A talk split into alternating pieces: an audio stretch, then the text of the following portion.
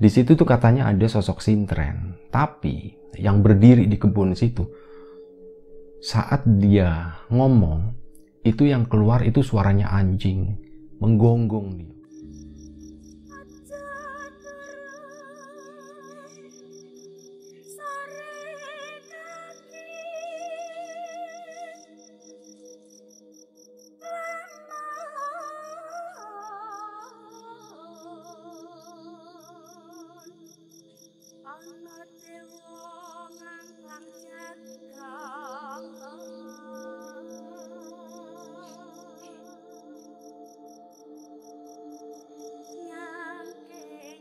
Sebelum kita ke cerita, gue pengen ngucapin banyak-banyak terima kasih buat kawan-kawan subscriber semuanya. Terima kasih buat kawan-kawan yang udah nontonin videonya Lapak Horor. Terima kasih juga buat kawan-kawan yang udah ngasih like, yang udah nge-share ke kawan-kawan yang lain. Dan terima kasih juga buat kawan-kawan yang udah ninggalin komentar. Terima kasih banyak untuk semuanya. Dan cerita kali ini akan mengambil sebuah tema tentang pusar desa. Mungkin kawan-kawan udah familiar dengan istilah ini. Pusar desa atau pusatnya desa gitu, tapi ini secara gaib. Dan cerita ini datang dari salah satu subscriber namanya Mbak Tias Mbak Tias ini tinggal di sebuah kota di daerah Tulungagung di Jawa Timur. Dan hari ini rencananya gue mau ceritain dua cerita sekaligus. Yang pertama itu dari kirimannya Mbak Tias. Dan yang satunya itu ada satu cerita lagi yang lokasinya tuh nggak terlalu jauh dari tempat di mana gue tinggal sekarang. Yang ya karena temanya sama jadi gue satuin aja gitu. Dan yang pertama itu ceritanya Mbak Tias itu terjadi di kampung dia, di desa dia. Di mana dia itu punya Mbak Tias itu punya kakek, seorang kakek yang bisa dibilang kakeknya itu adalah seorang apa ya, uh, tuan tanah, seorang yang kaya gitu. Tanahnya tuh di mana-mana tanahnya tuh tanahnya tuh banyak dan ada satu tanah, ada satu bidang tanah milik kakeknya Mbak Tias itu yang ya cukup menarik gitu karena di situ tuh ada sesuatu. Ada sesuatu yang menarik di tanah itu yaitu ada tanaman yang tingginya itu kurang lebih satu meter dan tanaman itu dari tahun ke tahun itu nggak pernah tumbuh jadi tanaman yang gede. Jadi segitu-gitu aja dari Mbak Tias kecil sampai Mbak Tias gede itu masih segitu aja dan konon tanaman itu atau titik itu di mana tanaman itu tumbuh itu adalah pusar desa atau pusatnya desa. Dan banyak cerita yang terjadi di sana. Cukup banyak tapi nanti gue ceritain beberapa aja lah. Sesuatu yang ya di luar nalar gitu yang terjadi di sekitaran lingkungan situ. Yang pertama itu adalah pengalaman yang dialami sama Masela. Dia itu adalah sebenarnya orang luar kampung desa. Dia itu menikah dengan salah satu tetangganya Mbak Tias di situ. Menikah setelah menikah akhirnya Mas Sela itu dagang mie ayam itu keliling pakai gerobak. Ya kawan-kawan mungkin familiar ya. Dan udah bertahun-tahun nih uh, si Mas Sela itu tinggal di situ dan udah banyak ngedenger cerita tentang pusar desa tadi. Di mana Mas Sela itu hampir setiap hari itu melewati lokasi itu. Hampir ya nggak setiap hari tapi hampir setiap hari. Dan seiring berjalannya waktu, mungkin karena dia tuh sering lewat situ dan dia udah sering ngedenger cerita-cerita yang cerita-cerita tentang pusar desa tadi, akhirnya hal itu tuh hal itu jadi kayak apa ya? Kayak bikin masalah itu ya biasa aja dan akhirnya cenderung ngeluarin sesuatu yang boleh dibilang itu kayak sombong gitu. Dia itu suatu hari habis berdagang nih pulang pulang udah agak malam gitu ya. Dia pulang lewat situ daerahnya gelap ya karena masih kebun. Uh, lewat situ dan dengan sompralnya ya mungkin itu kayak semacam uh, umpatan dan itu diucapkan secara spontan gitu. Dan waktu itu entahlah apa yang diomongin itu gue juga kurang tahu karena nggak diceritain. Intinya dia tuh lewat ke situ mungkin lagi ada masalah juga atau biasanya tuh enggak gitu biasanya tuh biasa aja. Cuman malam itu itu kayak tiba-tiba gitu si Marcella tuh kayak mengumpat sesuatu gitu. Alah tanaman kayak gitu aja masa uh, banyak yang percaya sih kalau ada gini-giniannya. Nah kurang lebih tuh seperti itu akhirnya nggak lama setelah itu belum lama si Marcella itu jalan dengan gerobaknya uh, dari lokasi tadi tiba-tiba dia tuh ngerasa kayak bumi itu digoyang. Dan itu sampai gerobaknya itu apa ya oleng gitu sampai miring dan jatuh. Banyak mangkok yang pecah ya sisa-sisa dagangannya kayak saus kayak gitu kan nggak habis kan. Itu pun jadi ya pecah pada tumpah kayak itu. Dan masalahnya tuh langsung lari pulang ke rumah akhirnya keesokan harinya diceritain lah uh, waktu itu kan malamnya diceritain ke istrinya karena, karena udah malam. Keesokan harinya diceritain ke tetangga tetangganya akhirnya dibantu sama tetangganya diberesin lah gerobaknya tadi. Dan dari situ itu cerita itu jadi rame gitu kan. Wah si Masela itu ngalamin begini-begini gitu di sana di pusar desa. Berarti bener nih pusar desa itu memang angker kayak gitulah cerita yang beredar. Itu cerita tentang Mas Sela seorang pedagang mie ayam yang lewat ke situ. Ada cerita lain lagi. Ada salah satu guru ngajinya Mbak Tias. Beliau itu ngebangun rumah. Jaraknya tuh lumayan jauh nggak terlalu dekat. Berapa puluh meter dari lokasi pusar desa tadi. Dan rumahnya itu memang dibangunnya tuh bener-bener kayak di tengah kebun ya. Di tengah kebun bambu dan itu satu-satunya rumah yang ada di situ. Suatu hari, anaknya, anaknya yang masih kecil, sebenarnya uh, penduduk desa gitu ya, termasuk anak-anak itu juga udah dikasih warning. Ini kalian jangan main-main di daerah sini, jangan main-main di lokasi ini, di, di lokasi pusar desa tadi, karena angker katanya kayak gitu. Tapi yang namanya anak kecil, kalau dibilangin kan biasanya malah tambah penasaran gitu kan. Akhirnya siang itu siang-siang dia tuh main-main di area situ sama beberapa temennya. Dia main-main di area situ dan sampai sore si anak tadi tuh nggak pulang. Akhirnya ibunya tuh nyariin kan. Ini anaknya ke mana ke mana ke mana. Nanya-nanya ke teman-temannya tadi yang main bareng. Katanya siang tadi tuh kita main di sana uh, sebenarnya yang lain itu agak jauh dari tanaman itu ya. Tapi si anaknya guru ngaji tadi itu mainnya di bener-bener deket lah di lokasi itu dan kawan kawan-kawan yang lain karena ya mungkin masih anak-anak gitu ya pulang ya pulang aja dia nggak ingat wah siapa yang nggak ada? kayak gitu. Jadi pulang-pulang aja dan ternyata seperti itu ada kejadian kayak gitu. Anaknya guru ngaji itu siang sore sorenya udah menjelang sore itu kayak dinyatakan hilang gitu ya. Akhirnya dicariin dong sama warga dan waktu itu si guru ngaji dan beberapa warga itu uh, tanya ke kakeknya Mbak Tias yang punya tanah.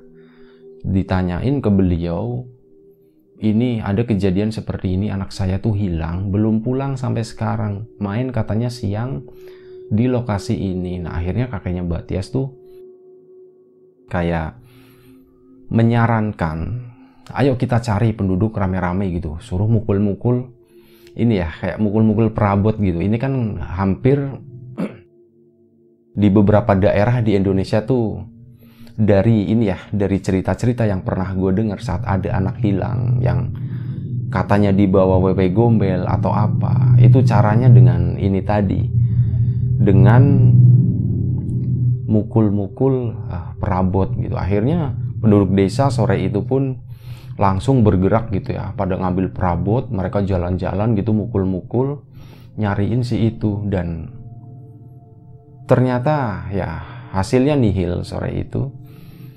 Tapi kagetnya saat uh, guru ngaji itu pulang ke rumah, ternyata anaknya itu udah ada di area dapur, udah jongkok di sana dengan kondisi yang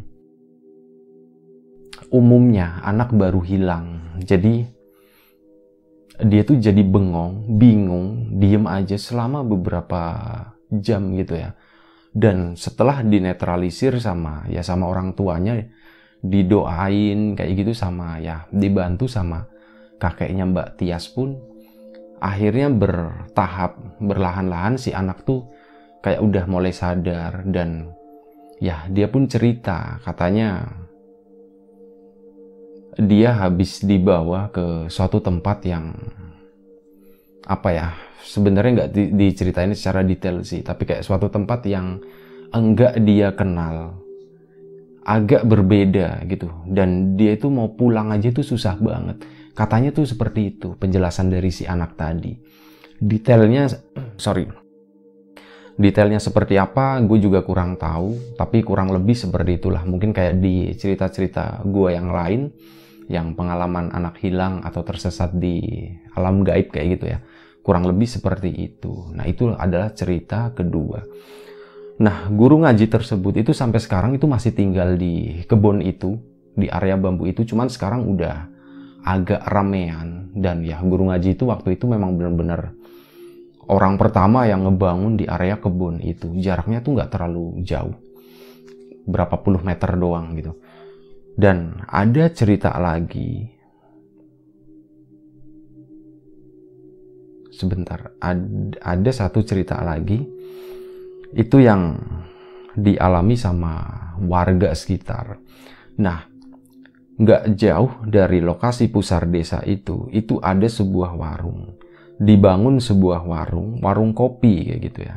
Warung kopi, mie instan, gorengan, warung kecil lah kayak warung-warung di kampung kayak gitu. Uh, lama-lamaan awalnya ya sepi biasa gitulah. Nah lama-lama itu jadi rame dan ternyata warung itu tuh kayak disalahgunakan. Jadi di sana tuh kayak dijadiin area judi, area sabung ayam sama area ya kayak gitu orang-orang mabuk gitu warung warung itu yang tadinya nggak jual minuman akhirnya jadi jual minuman ya maksudnya minuman ya minuman beralkohol gitu dan tempat itu tuh kayak jadiin tempat kayak mabuk-mabukan. Dan pernah suatu hari ada salah satu orang yang mabuk. Malam waktu itu malam hari namanya orang mabuk. Nggak kontrol. Dia menuju ke area pusar desa tadi dan dia tuh ngomong cerocos gitu. Intinya kayak nantangin. Dia nggak takut gitu dengan gini gini gini dan nggak lama setelah itu katanya warung itu tuh tiba-tiba kayak digoyang. Kayak ada gempa bumi. Dan ya akhirnya warga situ dan yang alami itu nggak cuma satu dua orang ya tapi banyak itu rame lokasinya. Itu kayak digoyang kayak ada gempa bumi kayak gitu dan akhirnya warga pun berhamburan gitu. Termasuk orang tadi orang yang nantangin kayak gitu itu kayak dibikin pingsan di deket area situ ya dianya pingsan sementara yang lain itu udah kabur entah ke mana. Dan salah satu orang yang ada di situ waktu itu itu adalah bapaknya Mbak Tias gitu. Jadi bapaknya Mbak Tias tuh ngalamin momen kayak digoyang tadi kayak adanya gempa. Itu yang ketiga ya. Dan ada satu kejadian lagi.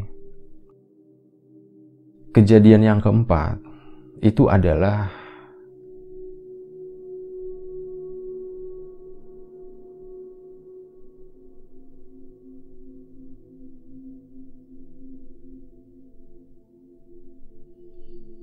ada seorang salah satu tetangganya Mbak Tias. Dia itu jadi peternak kambing dan suatu hari dia harus ke pasar buat ngejual kambing-kambingnya. Jadi nggak sempet buat nyari rumput hari itu. Dan meminta bapaknya pak minta tolong dong dicariin rumput gitu. Akhirnya ya bapaknya pun berangkat ngegantiin dia karena dia harus ke pasar ya ngegantiin ngarit-ngarit-ngarit gitu. Sebenarnya Bapak itu tahu kalau di lokasi yang ada pusar desanya itu, itu nggak boleh dideketin gitu. Nggak boleh di ya dia papain lah. Tapi si bapak tadi tuh ngeyel. Sebenarnya uh, kakeknya Mbak Tias pun udah ngelarang juga. Mas pak uh, ngelarangnya eh enggak apa sorry uh, ngaritnya jangan di sini gitu. Nyari rumputnya jangan di sini. Bahaya katanya. Tapi si bapak tadi ya udah nggak apa-apa saya minta izin aja nggak jauh eh apa? Uh, saya nggak ngebabatin yang lain kok cuman ini doang gitu. Oh ya udah terserah kata si kakeknya Mbak Tias. Akhirnya dia ngarit di situ sampai dia tuh kayak nebangin beberapa pohon gitu ya ya pohon kedondong atau pohon waru biasanya itu kan kayak disukai sama kambing gitu kan. Nah udah di arit lah di situ dan ternyata keesokan harinya tapi ini masalah umur ya. Yang jelas ini kehendaknya Allah kalau yang gue percaya ya masalah umur mati dan hidupnya orang itu kan cuman Tuhan yang menentukan. Tapi ya mungkin kejadiannya tuh pas kebetulan aja keesokan harinya bapaknya si tukang bapak yang ngarit tadi ya itu tuh meninggal dunia dan meninggalnya itu mendadak banget. Tanpa ada sakit tanpa ada apalah pokoknya benar-benar mendadak banget. Tiba-tiba meninggal aja di rumah dan warga itu lumayan cukup bikin heboh warga gitu. Wah ini kenapa kenapa nih kenapa dan ceritanya tuh kayak gitu. Akhirnya kakeknya pun kakeknya Mbak Tias pun cerita kemarin tuh ngarit di sini udah saya larang gitu. Tapi ternyata bapaknya ngeyel dan itu disaksikan sama beberapa warga yang lain. Ya akhirnya ada kejadian ini gitu. Saya udah bilang jangan ngarit di sini bahaya gitu. Tapi ya balik lagi masalah umur kan wallahu alam ya kita nggak tahu. Cuman Allah cuman Tuhan aja yang tahu. Nah kata si kakeknya tuh begitu. Dan semenjak hari itu tuh bener-bener kayak warga itu udah wah ternyata bener ya tempat ini tuh kayak mungkin ya itu adalah kayak semacam ya perkampungan gaib, perkampungan jin. Bisa aja di mana di situ tuh didominasi sama jin-jin yang jahat, jin-jin yang punya maksud tertentu buat ya melakukan fitnah dan merugikan orang-orang yang berada di sekitar situ. Bisa jadi seperti itu, gue juga nggak tahu. Biasanya sih kebanyakan seperti itu. Dan itu adalah cerita dari cerita yang dikirim sama Mbak Tias tadi yang dari Tulungagung itu ini lokasinya di daerah Tulungagung ya tapi gue nggak bisa ngebuka kampungnya apa desanya apa gue tahu lokasinya. Tapi gue nggak bisa share secara detail secara jelas. Itu cerita pertama tentang pusar tadi. Dan ada satu lagi yang mirip uh, dan lokasinya itu masih di kota ini ya. Kota Tegal lah gue sebut. Kota Tegal di mana gue sekarang berada. Di suatu desa uh, itu ada sebuah kebun yang awalnya itu orang itu nggak sadar kalau di situ tuh ini baru-baru ya kejadiannya tuh baru sekitar tahun 90-an itu orang nggak sengaja uh, pertama dari anak kecil. Jadi dia main ke situ itu ngelihat ada satu pohon di mana di sampingnya itu bersih. Uh, sisanya itu banyak rumput, banyak ilalang. Tapi itu ada satu pohon kecil, tingginya kurang lebih satu meter. Hampir mirip dengan pusar desanya yang tadi Mbak Tias ceritain. Tingginya satu meter. Gue lihat, gue pernah tahu tanamannya itu seperti apa. Gambarannya itu kayak ini. Kalau yang gue lihat itu kayak jambu, jambu kelutuk gitu ya. Tapi yang masih muda. Daunnya itu jarang-jarang udah kayak gitu aja tanaman itu dan anehnya uh, di sekitaran tanaman itu itu nggak ada rumput sama sekali. Bener-bener bersih. Dan katanya itu nggak ada yang ngebersihin. Jadi dulu itu ada anak kecil gitu ya biasa main di kebun kan tahu tanaman itu. Dan dulu pas kecil itu kalau mau dicabut uh, daunnya itu tuh katanya nggak bisa. Itu susah banget.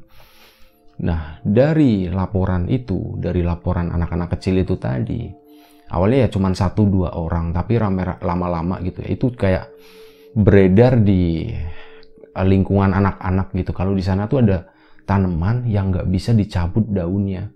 Dan akhirnya berita itu kesebar sampai ke orang dewasa. Dan beberapa orang beberapa warga pun nengokin ke sana ke lokasi itu dan ternyata itu benar. Kata orang-orang yang tahu tentang masalah seperti itu yang tahu masalah gaib ya ini adalah pusar desa gitu pusatnya desa tapi desa itu tadi secara gaib dan ada beberapa kejadian yang boleh dibilang cukup horor yang sempat jadi pembicaraan warga di kampung itu. Nah, pernah suatu malam itu kebun, lokasinya, lokasi pohonnya itu nggak di tengah-tengah kebun, tapi agak deket dengan jalanan jalan desa tapi kayak jalan shortcut kayak gitu. Lebarnya cuma satu meter dan masih tanah kayak gitulah. Jalanan kebun lah boleh dibilang. Nah itu tuh deket sama itu. Jaraknya kurang kurang lebih itu sekitar 2 atau 3 meter dari situ. Sementara di belakangnya tuh masih banyak kebun. Ada beberapa orang yang pernah lewat ke situ itu ngelihat satu sosok itu mirip sosok Sintren. Mungkin kawan-kawan ya yang belum tahu Sintren gitu ya. Biasanya anak-anak sekarang kurang tahu masalah yang beginian ya karena ini udah nggak tren juga sekarang. Sintren cari aja lah Sintren gitu. Itu rupanya seperti apa? Nah, di situ tuh katanya ada sosok Sintren, tapi yang berdiri di kebun situ saat dia ngomong itu yang keluar itu suaranya anjing menggonggong dia. Wow wow wow gitu. Ya suara anjing lah kayak gitu. Dan ya orang itu melihat kayak gitu pak langsung kabur dia kan. Karena apa? Dia tuh nggak pernah tahu apa yang pernah terjadi suatu hari di lokasi tadi. Jadi dulu sekitar tahun entah 70 atau 80-an di mana sintren itu tuh masih banyak. Pentas sintren ya. Itu biasanya mereka tuh kayak uh, keliling dari kampung satu ke kampung yang lain kayak gitu terus. Sama kayak kuda lumping kayak gitu. Mereka itu bener-bener kayak musafir gitu ya jalan-jalan hidupnya. Itu kayak gitu keliling-keliling buat pentas-pentas. Nah suatu hari itu pernah ada pentas sintren yang diadakan di dekat situ. Jadi itu kan jalan di sini lokasi pusar desanya sini jalan nah sebelah sini itu ada lapangan kecil Nah, di sebelah sana sininya itu udah rumah-rumah warga gitu. Nah, di lapangan kecil itu tadi, Sintren itu pentas. Jaraknya deket nggak terlalu jauh.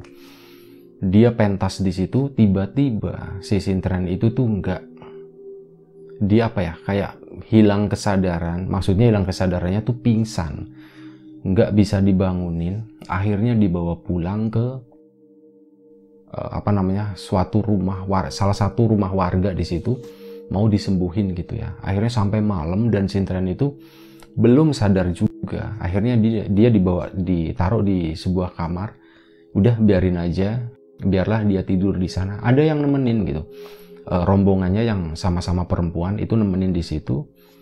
Dan malam harinya warga itu eh warga eh, orang-orang tadi rombongan Sintren itu sama pemilik rumah itu kaget Ternyata pagi harinya sintren itu udah nggak ada. Itu warga e, mereka itu bangun kurang lebih sekitar jam 4 pagi. Pas bangun gitu, Astagfirullahaladzim ini kema ke mana nih si mbak ini gitu. Ada namanya tapi gue nggak usah nyebutin.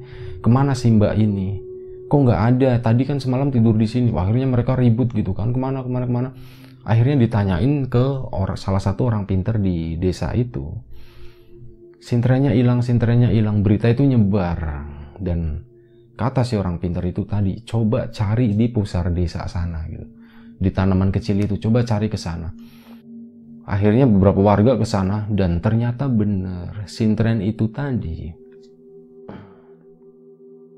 itu posisinya lagi duduk duduk begini ya sambil lututnya ditekuk gini kepalanya nunduk masih lengkap dengan pas semalam itu udah ganti baju pas di sana itu balik lagi jadi kayak sosok sintren pakai kayak baju kebaya kebaya Sunda ya kayak gitu lengkap dengan kacamata kayak gitu dan dia tuh posisinya begini nunduk dibangunin gitu kan.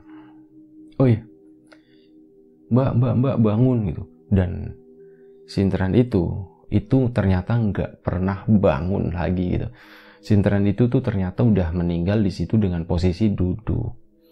Kayak gitu. Dan semenjak hari itu itu mulai ada teror buat warga gitu ya. Siapa pun yang lewat ke situ seringnya nggak nggak selalu tapi seringnya itu akan biasanya akan ngelihat sosok sintren tadi. Dan biasanya uh, sosok sintren tadi itu bakal muncul sekitar jam 9 pagi jam 11 jam 1 kayak setiap beberapa jam sekali gitu. Dan uh, kalau malam harinya itu jam 9 ke atas.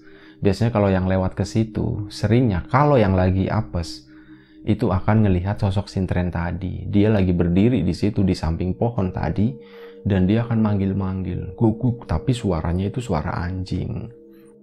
Nah itu adalah salah satu cerita yang terjadi di kampung di deket kampung gua. Ada satu tanaman juga yang dipercaya sama warga desa situ itu sebagai pusar desa atau pusatnya desa. Tanamannya karakteristiknya tuh mirip, tingginya kurang lebih satu meter dan tanaman itu itu nggak pernah bisa tumbuh, nggak pernah bisa tambah gede gitu. Jadi segitu-gitu aja dari tahun ke tahun. Dan informasi terakhir, lokasi tanaman tadi itu sekarang udah hilang karena ada proyek infrastruktur dan termasuk kebun-kebunnya semuanya hilang kena itu dan ya sekarang udah nggak ada sayang banget padahal uh, gue sendiri gue pengen ngelihat lagi gitu ya pengen sih gue fotoin gitu tapi karena itu tadi sekarang udah nggak ada udah hilang udah ditindih sama proyek infrastruktur akhirnya ya sudahlah jadi cuma tinggal cerita doang dan untungnya masih bisa gue ceritain ke kawan-kawan semuanya. Nah, terima kasih buat kawan-kawan yang udah mau nonton, udah mau dengerin cerita ini. Terima kasih banyak. Itulah dua cerita yang gue share. Tadinya mau gue pisah, tapi kayaknya udahlah karena satu tema. Jadi gue satuin aja jadi satu cerita. Ini kayak sekalian bonus buat kawan-kawan semua. Satu episode tapi dua cerita. Semoga kawan-kawan bisa mengambil manfaat dari cerita ini. Bisa kita ambil sisi positifnya ya.